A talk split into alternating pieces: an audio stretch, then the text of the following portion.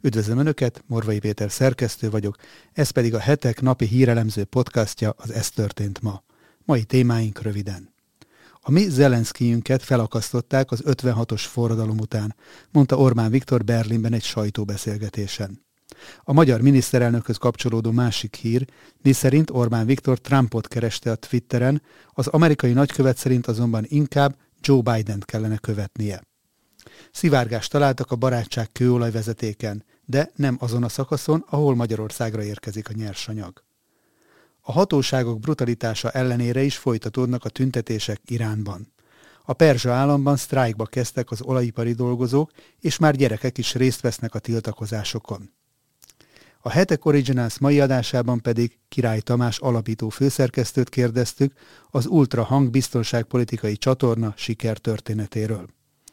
Önök az október 12-i adást hallják, a nap legizgalmasabb híreit és aktualitásokat a hetek válogatásában. Mindenről részletesen is olvashatnak és hallgathatnak a hetek.hu oldalon, illetve YouTube csatornánkon. Az adásban elhangzó témákhoz a videó leírásában megtalálják a kapcsolódó linkeket is. Köszönjük, hogy már több mint 52 ezeren követik Facebook oldalunkat, és közel 10 ezeren iratkoztak fel YouTube csatornánkra is. Ha esetleg ezt nem tették volna még meg, kérem csatlakozzanak, hogy biztosan értesüljenek a legfrissebb tartalmainkról. Nézzük akkor a témáinkat részletesebben. A mi Zelenszkijünket felakasztották az 56-os forradalom után, mondta Orbán Viktor Berlinben egy sajtóbeszélgetésen. Ahogyan arról a hetek is beszámolt, Orbán Viktor kedden a német fővárosban a Cicero közéleti folyóirat és a Berliner Zeitung című napilap rendezvényén vendégeskedett, a beszélgetésről pedig rövid összefoglalót közölt az MTI. A távirati iroda szemléje is tele volt már erős kijelentésekkel. A 444.hu ugyanakkor megszerezte a teljes hanganyagot, amiben további figyelemre méltó gondolatok is elhangzottak a magyar miniszterelnöktől.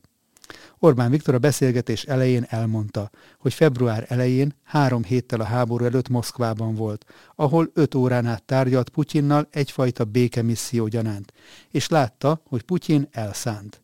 Az orosz elnök ugyan nem mondta el, hogy megtámadja Ukrajnát, de a magyar miniszterelnök mégis megérezte, hogy baj van, el is ment szólni a NATO brüsszeli központjába, ahol a főtitkárral közölte ezt. Orbán szerint az történt, amire számított, és azon kezdett el gondolkodni, hogy vajon hány magyar fog ebben meghalni. A miniszterelnök elmondta azt is, ez a 444.hu és az MTI szemléjében is megjelent, hogy a háborúban eddig közel 200 magyar halt meg. Sokan közülük kettős állampolgárok voltak, és besorozott katonaként haltak meg a fronton. Orbán újabb kérdésre válaszolva elmondta, hogy szerinte az egész háborúval kapcsolatos diskurzus túlságosan Putyinra koncentrál, hogy mire gondol az orosz elnök, mit fog holnap tenni, és így tovább.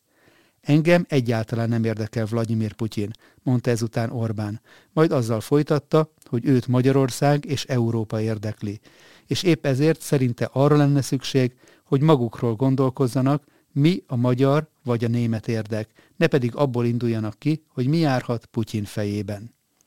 Orbán elmondta azt is, hogy ő már az első nap agressziónak nevezte a történteket, és Magyarország elfogadta az európai interpretációt. Azt gondoljuk a háborúról, amit az EU mond. Nincs külön magyar álláspont. Mint mondta a miniszterelnök, a nemzetközi jog felől is nyilvánvaló, hogy az oroszok agressziót követtek el. Viszont szerinte a kérdés az, hogy amikor ezen a helyzeten gondolkodunk, kinek az oldalán állunk. És az ő válasza erre a kérdésre az, hogy a magyarokén. Kérdésre válaszolva elmondta azt is, hogy őt azzal vádolják, miszerint Putyin trójai falova, de erre mindig az a válasza, hogy csak a magyar érdekeket képviseli. Szerinte az orosz-ukrán háború nyomán az egész nyugat által vállalt konfliktusnak az a következménye, hogy nyilvánvalóvá vált a gyengeségünk. Korábban, ha az Egyesült Államok azt mondta valamire, hogy ez a helyes, akkor a világ nagy része felzárkózott e mögé. De ő még nem látott olyat, hogy Kína, India, az arab országok, Irán és Afrika is elhesegesse az amerikaiakat. Ahogyan az az MTI szemléjében is szerepelt, Orbán szerint a tűzszünetnek nem Ukrajna és Oroszország között kell létrejönnie, hanem Amerika és Oroszország között. Ugyanakkor, ha a tárgyalásokról van szó, az ukránok pozícióját is meg kell értenünk. És szerintem az ukránok pozícióját legjobban a magyarok éltik. mondta a miniszterelnök. Szoktak beszélni Bucsáról. 1956-ban Bucsát Budapestnek hívták. Ha valaki tudja, mit jelent a katonai támadás és elnyomás, mi tudjuk, mert a mi Zelenszkijünket felakasztották az 56-os forradalom után, mondta Orbán, majd azzal folytatta, hogy épp ezért nekünk nem kell elmagyarázni, mennyire brutális tud lenni egy orosz háború. És épp ezért mindent meg is kell tenni Ukrajna érdekében, és a legtöbb, amit most tehetünk, az a tűzszünet elősegítése. A magyar miniszterelnökhöz kapcsolódó másik hír, miszerint Orbán Viktor Trumpot kereste a Twitteren. Az amerikai nagykövet szerint azonban inkább Joe Biden kellene követnie. Donald Trumpot januárban örökre letiltotta a Twitter. A magyar miniszterelnök viszont már az első közösségi oldalon töltött napja után őt kereste, mint jó barátját. Nem kellett sokat várni az új amerikai nagykövet válaszára. Ahogyan arról a hetek is beszámolt, hétfőn elindult Orbán Viktor hivatalos Twitter oldala.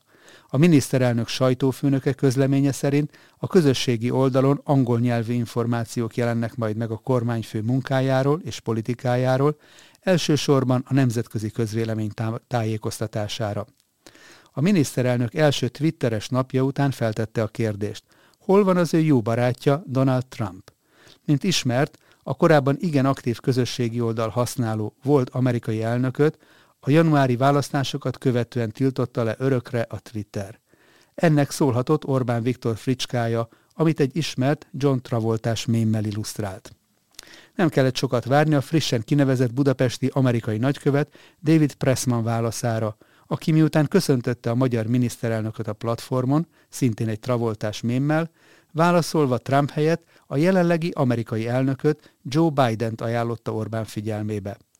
David Pressman azonban biztos, ami biztos alapon hashtagként azt is odaírta, nyomásgyakorló. Ahogy arról korábban beszámoltunk, Pressman arról beszélt nemrégiben, hogy reméli, nem lesz szükség Magyarországon nyomásgyakorlásra a NATO bővítés miatt. Szivárgást találtak a barátság kőolajvezetéken, de nem azon a szakaszon, ahol Magyarországra érkezik a nyersanyag. A vezető lengyel olajvezeték üzemeltető, a PERN közleménye szerint szivárgást észleltek a barátság kőolajvezetéken. A rossz hírben annyi számunkra a megnyugtató, hogy az érintett rész azon a törzshálózaton található, amelyen keresztül a nyersolaj Németországba jut, vagyis nem arról a vezeték ágról van szó, amelyen keresztül Magyarország, és így a MOL az orosz, orosz kőolajat beszerzi. A PEN szerint a szivárgás okai egyelőre ismeretlenek. A szivattyúzást a sérült vonalon azonnal leállították. Az olajvezeték másik vonala változatlanul működik. A lengyel tűzoltóság szóvivője újságíróknak azt mondta, a kiömlés helyszínén, amely egyébként egy kukoricaföld, továbbra is keresik a szivárgás pontos helyét. A szóvivő szerint a baleset lakóépületektől távol történt, de környezetvédelmi kárt biztosan okozott. A barátság vezeték déli ágán augusztus közepén szüneteltek az Oroszországból a közép-európai országokba tartó szállítások. Az ukrán Ukrán Transnafta energetikai vállalat akkor leállította a tranzitot, mert nem kapta meg az ellenértéket az orosz féltől.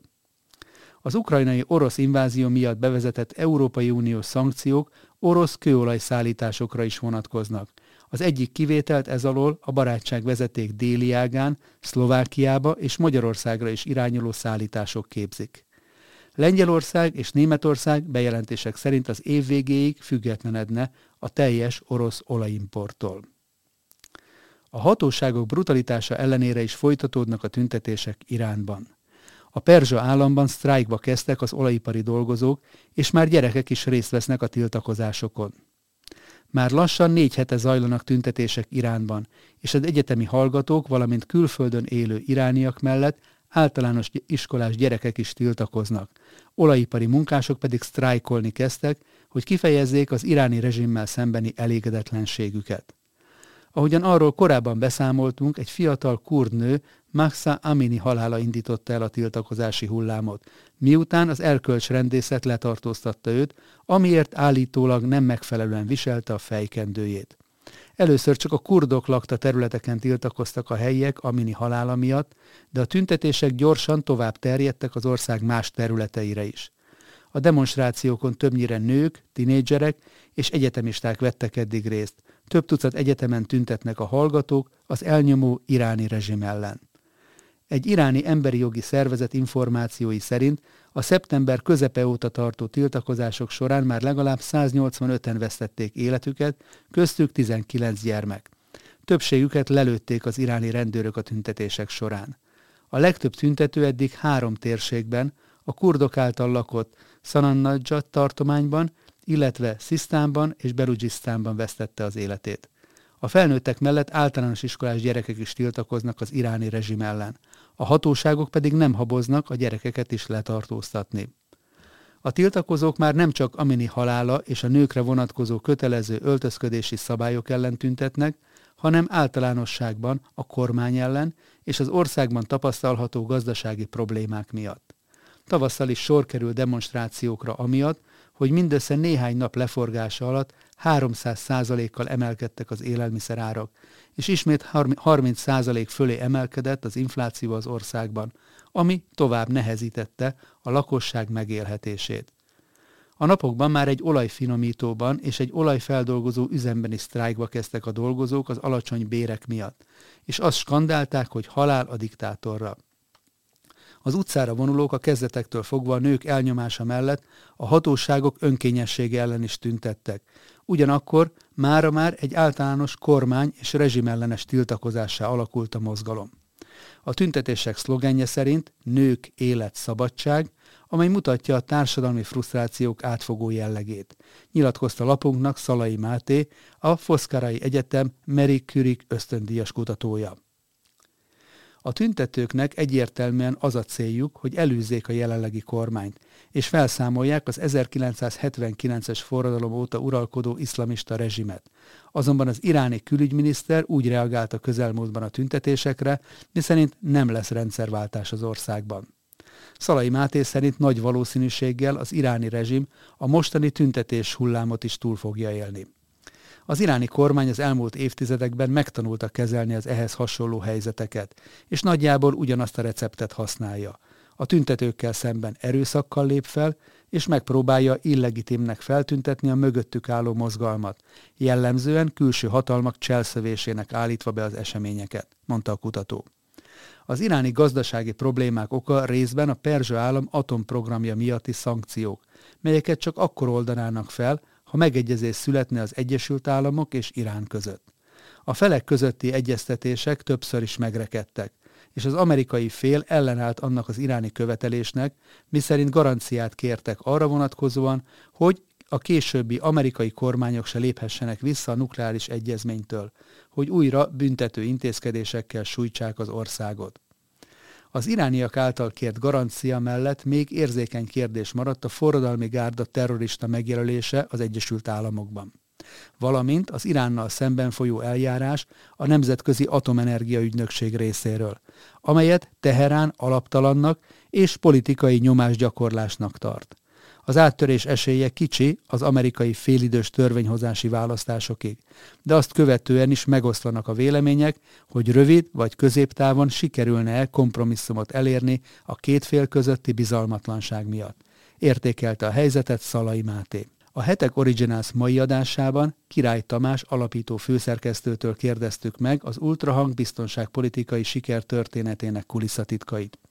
A mai felpörgött streaming és podcastos világban is kimagasló siker az, hogy egy újonnan induló csatorna rövid idő alatt meghatározóvá, idézett forrássá váljon a médiapiacon. Erről a sikertörténetről Király Tamást, az Ultra Hang biztonságpolitikai csatorna alapító főszerkesztőjét kérdeztük. Az alkalom pedig a beszélgetésünkre az volt, hogy a csatorna tegnap elérte a 100 ezer feliratkozót. A csatorna ötlete a járvány alatti kényszerű karantén időszakban született meg, és a váratlan érdeklődés az ötlet gazda alapítót is meglepte. Király Tamás azon viszont nem csodálkozott, hogy a biztonságpolitikára és a tágabb értelemben vett külpolitikára kíváncsiak az emberek, mert, mint mondta, olyan események történnek naponta, amelyek legyűrűznek az emberek életébe, és megjelennek a sarki boltban az árcédulákon is. Király Tamás szerint van igény arra, hogy az egyszerű hírközlésnél mélyebb értelmezéseket és elemzéseket hallgassanak az emberek, és szerinte ezt az igényt, idézem, a hetek több évtizedes munkája is előkészítette. A főszerkesztő elmondta, hogy szeretnék megőrizni továbbra is a témaérzékenységüket, és a napi aktualitások, elemzések mellett még inkább szeretnének figyelni a hosszú távú folyamatokra is. A hetek podcast beszélgetése Király Tamással az alábbi leírásban található linken hallgatható meg. Nos, ennyi fért bele mai ajánlónkba. Morvai Pétert hallották az Ez történt ma október 12-i adásában. Várom Önöket holnap is aktuális hírekkel, ajánlókkal, és ha szeretnének ezekről biztosan értesülni, akkor kérem, iratkozzanak fel a hetek YouTube csatornájára, ahogyan ezt már közel tízezren meg is tették, amit ezúton is nagyon köszönünk akik pedig szeretnék támogatni a hamarosan 25 éves évfordulójához érkező hetek elemző, világértelmező munkáját, a leírásban szereplő linken, linken találhatják meg az ehhez szükséges információkat. Köszönöm a megtisztelő figyelmüket, és a holnapi találkozásig további szép napot kívánok mindenkinek, a viszonthallásra!